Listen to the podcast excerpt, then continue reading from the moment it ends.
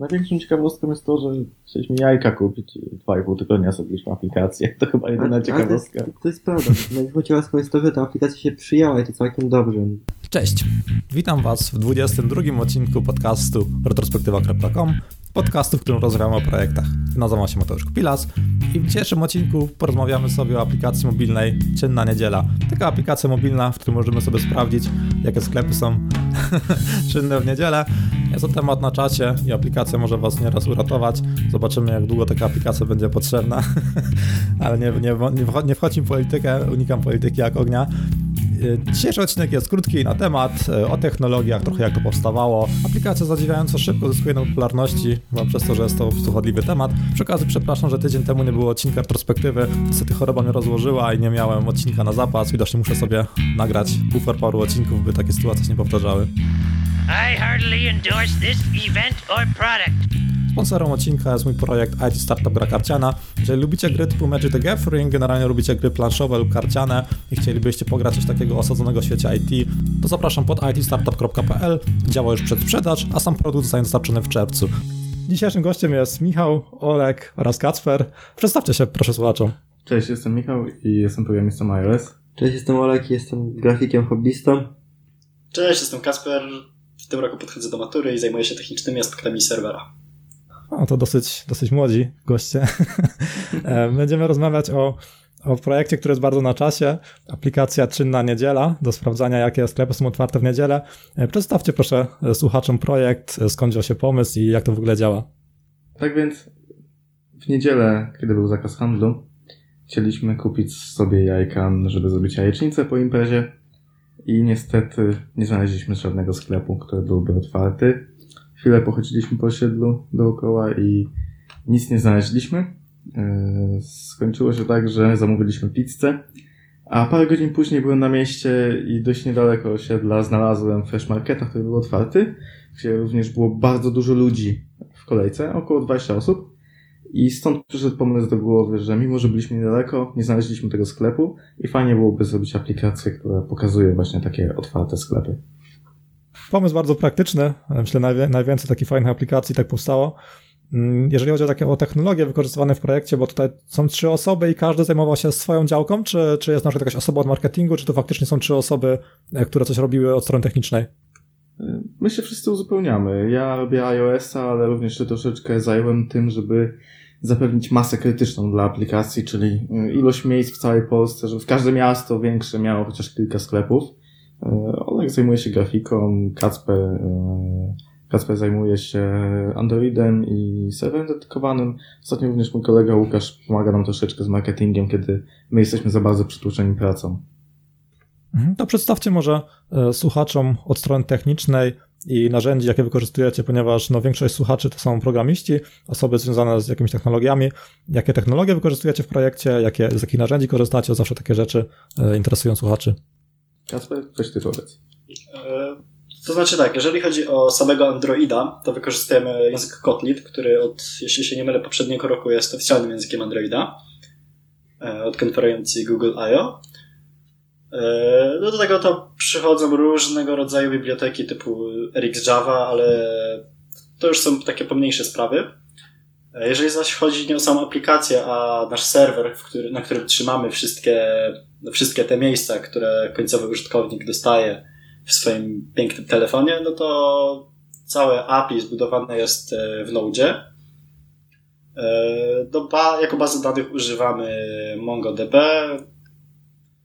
No i wydaje mi się, że jeżeli o to chodzi, to byłoby na tyle. A co do iOS-a, no to tutaj przedstawi to Michał. Co do iOS-a, to ja mogę powiedzieć, że używamy najnowszego Swifta 4. E, oczywiście do dodatków standardowo Cocoa Pods e, używam LBTA Components od Briana Wunga, który pozwala mi w łatwy sposób robić e, widoki programistycznie. Nie używam storyboardów. E, jeśli chodzi o komunikację z serwerem, z API, używam biblioteki Alamo Fire e, do pobierania obrazków i cache'owania ich Alamo Fire Image. Jeśli chodzi o zarządzanie lokalizacją, standardowo Swift y, i Core Location ma y, nie takie łatwe używanie y, pobierania tych lokalizacji, więc używam takiego frameworku, który nazywa się Swift Location, który ułatwia takie proste pobieranie lokalizacji. Również do śledzenia informacji o aplikacji, o crashach i użytkowaniu używamy Fabryka i Crashlyticsów właśnie Fabryka. Również pokazujemy powiadomienia o tym, czy jest nowa aplikacja dostępna, w sensie nowa wersja.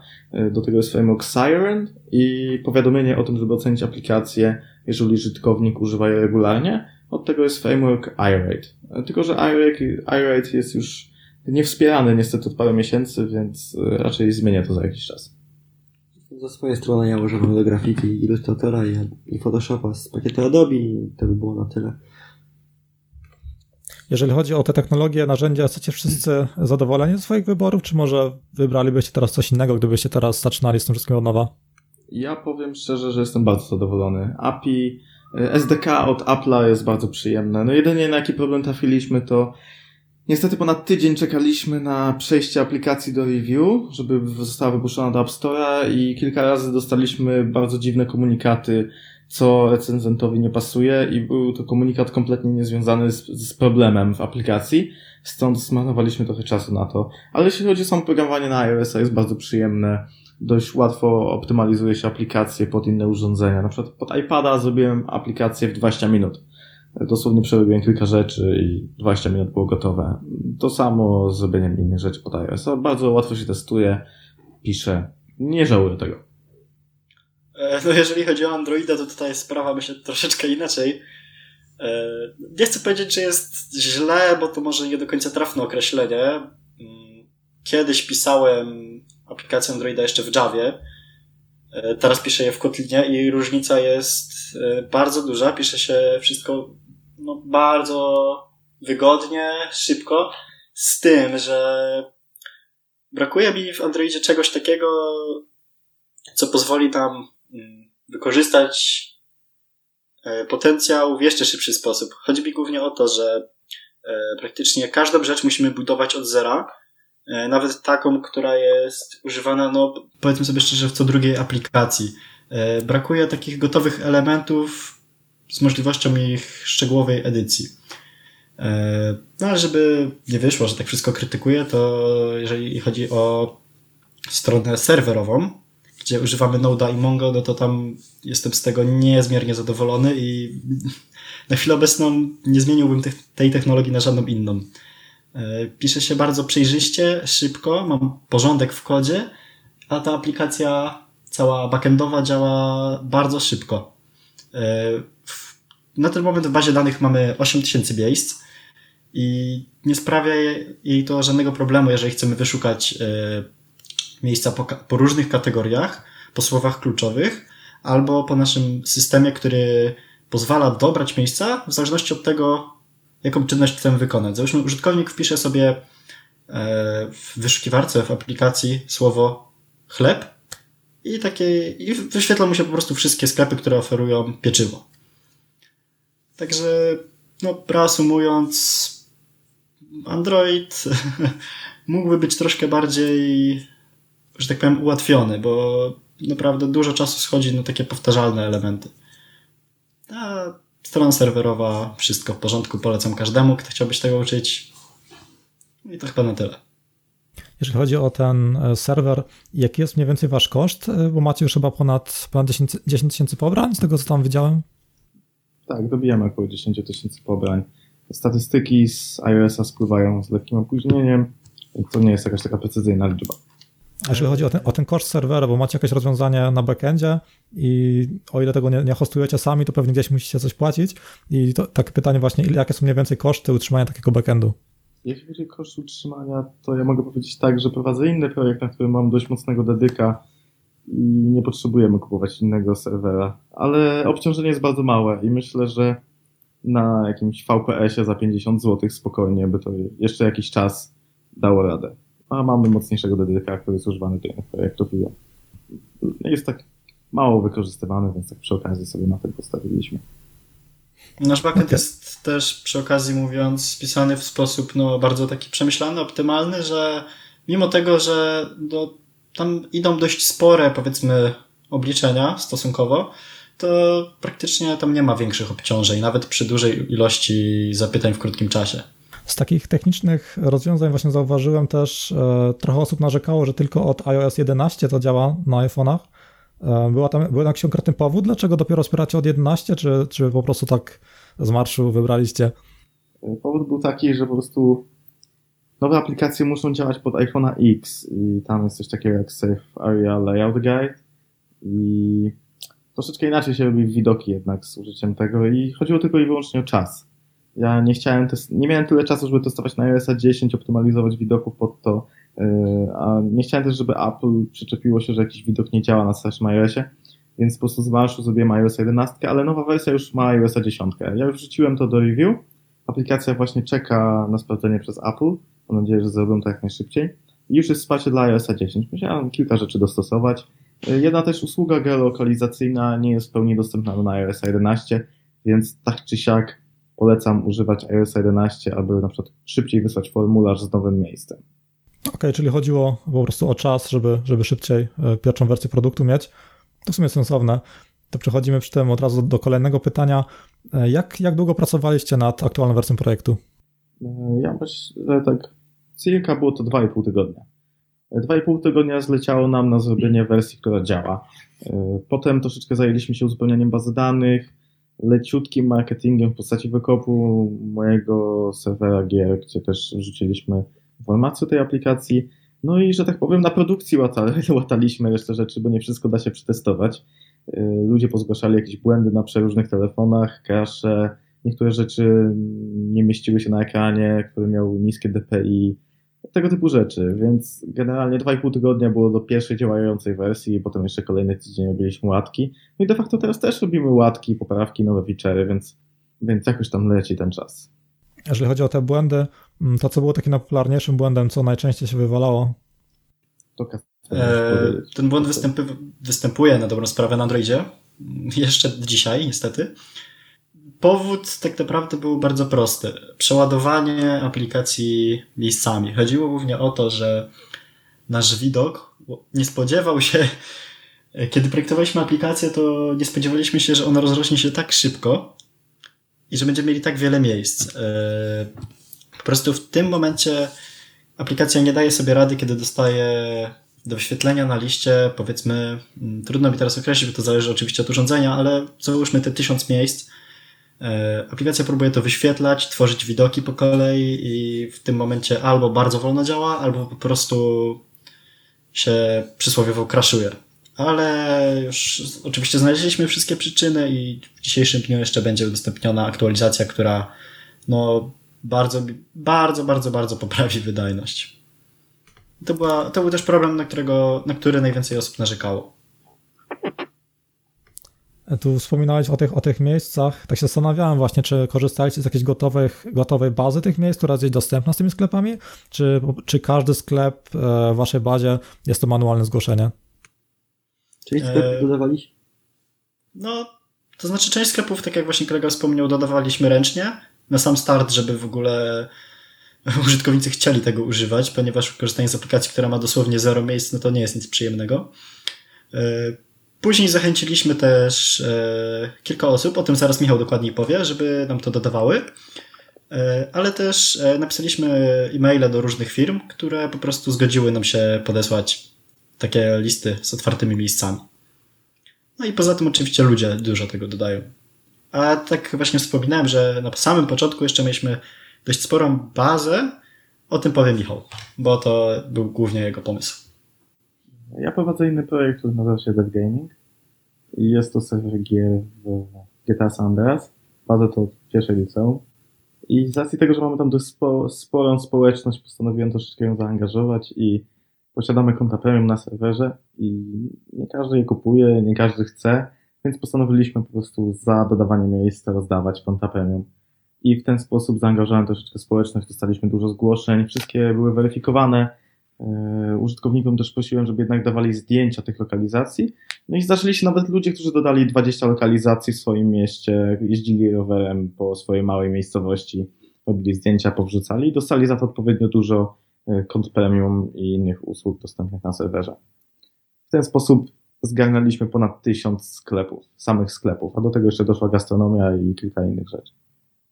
Okay, czyli taki, taki sensowny model, e, gdzie to ktoś moderuje. E, jak, jak to właśnie z tą, tą moderacją? Wy, moderuj, wy moderujecie, sprawdzacie, czy każda lokalizacja jest prawdziwa? Przy, przy takiej ilości zgłoszeń właśnie zastanawiam się, jak ten proces wygląda. Póki co ja codziennie sprawdzam wszystkie sugestie tak z dwa razy dziennie i staram się zweryfikować lokalizację, nazwy, godziny i mniej więcej widzę, co jest dodane, nie, nie jest prawdziwe, a co jest, wygląda na dość takie prawdziwe.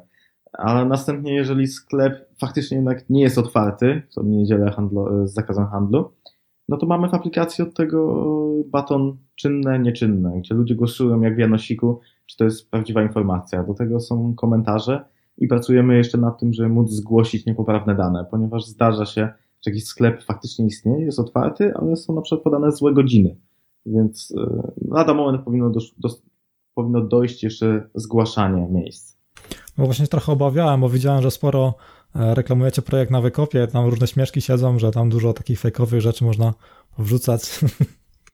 O dziwo mogę powiedzieć, że jesteśmy zaskoczeni małą ilością śmieszków, teorii innych tego typu ludzi, którzy chcą jakby źle zadziałać dla projektu. Raczej ludzie cieszą się, że coś takiego powstało i dodają faktycznie uży użyteczne informacje. To wspomnieliśmy tutaj o tym e, wykopie, na którym była promocja, to przejdźmy do tego tematu promowania marketingu. Oprócz wykopu, e, gdzie promujecie projekt, jak wygląda marketing i jakie są efekty waszych działań? Wczoraj byliśmy na wywiadzie w Radio Szczecin właśnie, był umówiony już jakiś czas temu, jak zaczęliśmy tak na dobre myśleć o tym, żeby aplikację rozwinąć dalej niż tylko na nasz region zachodniopomorski, bo taki był pierwotny plan. Wiadomo, taką sytuację łatwiej wykorzystać, jeżeli się zna, zna region i można się po nim swobodnie poruszać, dodając sklepy. I właśnie czekamy na pierwszą emisję, która w zasadzie chyba nawet, nawet tym przegapiliśmy, bo pierwsza emisja była dzisiaj, w ten dzień, w którym nagrywamy ten wywiad, o godzinie 15, więc jeszcze będzie powtarzane kilka razy dzisiaj, jutro i pojutrze, aż do niedzieli. Z takich kanałów dystrybucji reklamy jeszcze korzystamy z fanpage'a na Facebooku oraz z Instagrama. Znaczy jeszcze nic, nic, nic, nic z tego.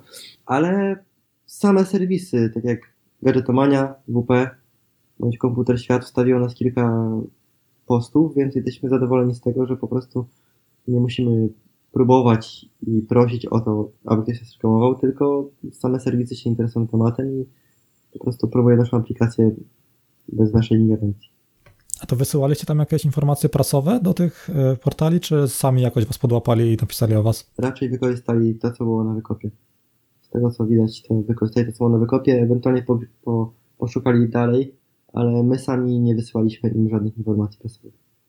Również no. jeszcze Olek napisał to klub, Kubek Lawitera e, w nocy i Kuba rano odczytał wiadomość i wstawił na swoje Instastory krótką informację o naszej aplikacji, że fajnie, że polska myśl jest taka i wspiera chłopaków, więc y, taką krótką informację nas wstawił Kuba jeszcze klawiter. No bo z tego, z moich doświadczeń właśnie wynika, że jeżeli promujemy takie rzeczy, to takie informacje prasowe to, to naprawdę działa. Na przykład też e, do Antyradia kiedyś wysłałem informację o crowdfundingu mojego projektu gry karcianej i też praktycznie wiele, wiele tych informacji, po prostu gotowego newsa do kopii w klej przesłałem i to po prostu wstawili, bo to jest niskim kosztem można wrzucić newsa, że jak to jest fajnie napisane, takie prasówki, że naprawdę warto wysyłać, to dziennikarze są leniwi i kopiuj wklej, wklejają newsy, które się im wysyła, że warto próbować tak uderzać. Tak, to jest obustronne, bo my zapewniamy materiał komuś i jednocześnie mamy reklamę. Tak, a aplikacja jest darmowa, nie ma żadnych reklam, więc zyskujemy jedynie popularność. Tu mówicie właśnie, że aplikacja jest darmowa, bez reklam, czyli nie stoi za, za, za, tym żaden model biznesowy, jest to tylko taki projekt jako, jako hobby, czy może chcecie e, próbować jakoś na tym zarabiać? Jak mówiłem wcześniej, pomysł przyszedł w niedzielę z naszej zwykłej potrzeby kupienia jajek na jajecznicę i chcieliśmy zrobić coś fajnego. Przy okazji jakby wcześniej też nie robiliśmy w całą trójką całego projektu od A do Z, ja, Kacper i Olek, tylko gdzieś się tam przewijaliśmy mniej więcej i to był taki też troszeczkę test, czy jesteśmy w stanie zrobić dobrym tempem, dobrej jakości aplikację yy, całą trójką. Jak, wysz, jak wyszło, tak wyszło. Wydaje mi się, że całkiem nieźle, bo w dwa i pół tygodnia zrobiliśmy całkiem fajną aplikację. Yy, ma kilka błędów, ale wiadomo, że nigdy się nie wydaje czegoś, co nie ma żadnych błędów. I nie, nie myśleliśmy w ogóle o modelu biznesowym. Myślę, że to jest taki ciężki troszeczkę temat, jak tu na tym zarobić. Myślę, że też jest zdecydowanie za wcześnie na to, bo mimo swojej popularności i rośnięcia pobrań, tak, i że jest to gorący temat, jednak te niedziele handlowe, niehandlowe, to ciężko chyba coś zarobić na takiej aplikacji, więc my też jakichś wielkich kosztów nie mamy. Poświęciliśmy trochę swojego czasu, a wszystko stoi na domenie za 10 zł i serwerze dedykowanym, który tak czy siak opłacam co miesiąc. Więc koszt jedyny to nasz czas. Tak, ale jeżeli w przyszłości wprowadziliśmy by, wprowadzilibyśmy jakąś monetyzację, to na pewno nie w taki sposób, aby była ona uciążliwa dla użytkownika, dla zwykłego użytkownika. Najważniejsze jeżeli dla nas już, jest... to właśnie po prostu, to jest tak naprawdę aplikacja od zwykłych ludzi dla zwykłych ludzi, żeby pomóc im w tą niedzielę znaleźć sobie otwarty sklep, jeżeli zapomną czegoś kupić. I tutaj na pierwszym miejscu są inni ludzie, a na drugim dopiero może, jeżeli w przyszłości będziemy coś robić, ta monetyzacja. Najważniejsze dla nas jest cały czas powiększać bazę danych i nie jest to łatwe. Myślę, że tutaj jakby ta aplikacja jest stworzona od użytkowników dla użytkowników, żeby ludzie nawzajem się informowali, tak jak w Janosiku, żeby wszyscy zyskali na tym. No właśnie, a poza tym całkiem nie fair by było, jeżeli tworzymy bazę wspólnie z użytkownikami, oczekiwać od nich jakiejś opłaty za aplikację, więc, więc model biznesowy z skupieniem aplikacji w sklepie razu odpada. I cały czas te grono możliwości się zawęża, także reklamy w aplikacji jako takie też nie są zbyt przyjemną rzeczą, gdy co drugie kliknięcie bądź trzecie kliknięcie wyskakuje nam reklama, której się nie da łatwo wyłączyć, tak to też nie jest dobre. I to odstrasza użytkowników od używania aplikacji, więc ten temat jest, jest do przemyślenia. Na razie, na razie to, to nie jest y, pierwsza rzecz, o której myślimy.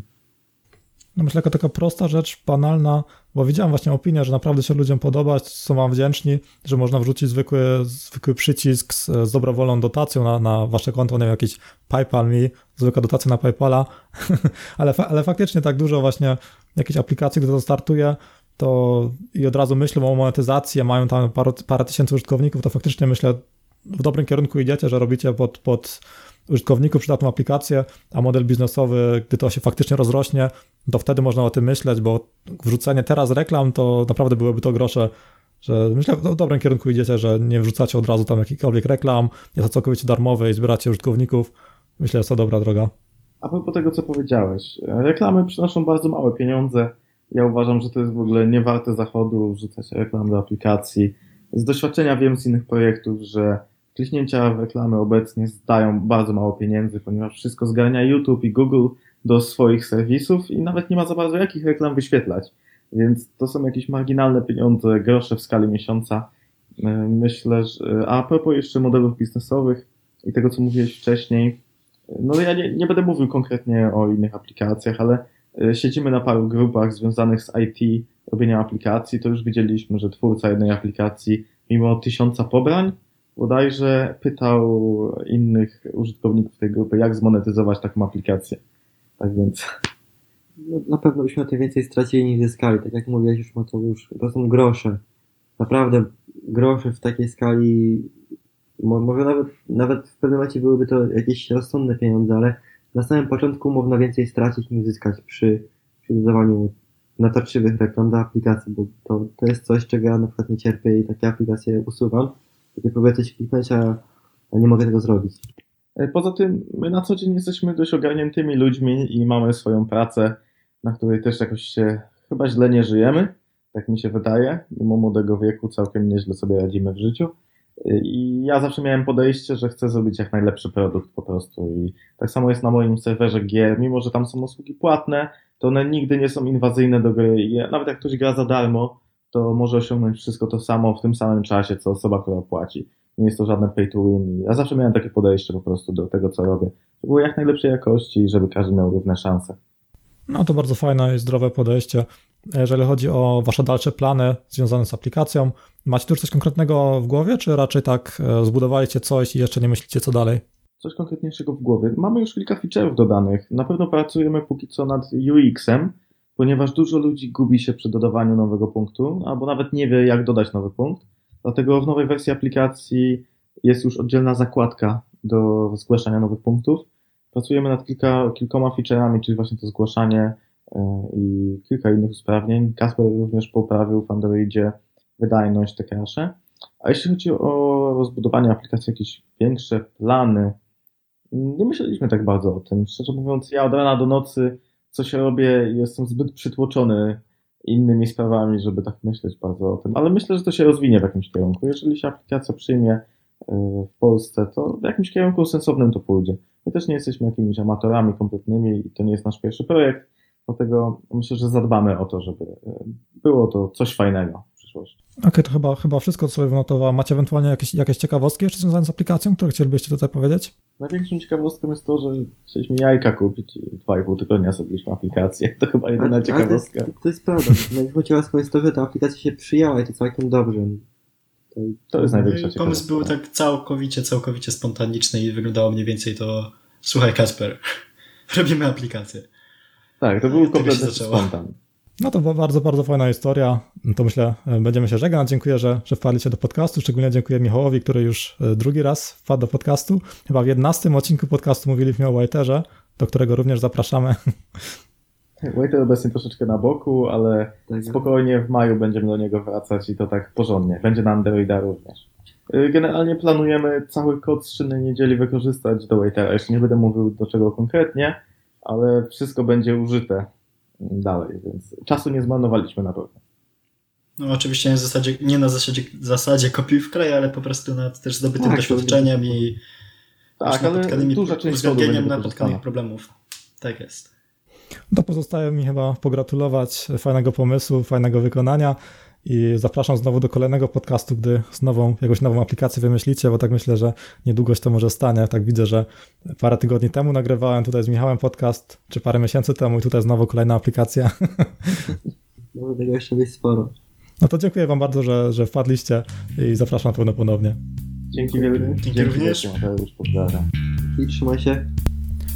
I to już wszystko w dzisiejszym odcinku podcastu. Bardzo dziękujemy za słuchanie. Jeżeli sami chcielibyście wystąpić w podcaście, macie jakiś ciekawy projekt albo jakąś ciekawą inicjatywę, którą chcielibyście, którą chcielibyście przedstawić, to zapraszam, zapraszam do kontaktu, chętnie, chętnie nagram z Wami odcinek.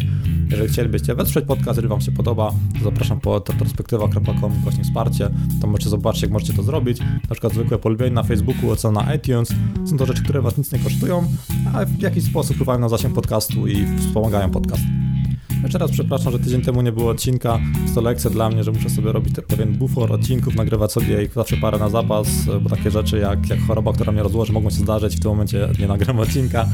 E, jest lekcja na przyszłość. Kiedyś zrobię na pewno e, retrospektywę, retrospektywy, co bym zrobił lepiej, gdybym od nowa zaczynał ten podcast, ale to może w okolicy setnego odcinka. Zapraszam do kolejnego odcinka za tydzień, znowu w czwartek, zazwyczaj tak w czwartek wieczorem pojawiają się te odcinki. O ile jakaś ciężarówka mnie nie potrąci mnie gdzieś na pasach, to odcinek powinien się pojawić. Zapraszam znowu za tydzień do słuchania podcastu.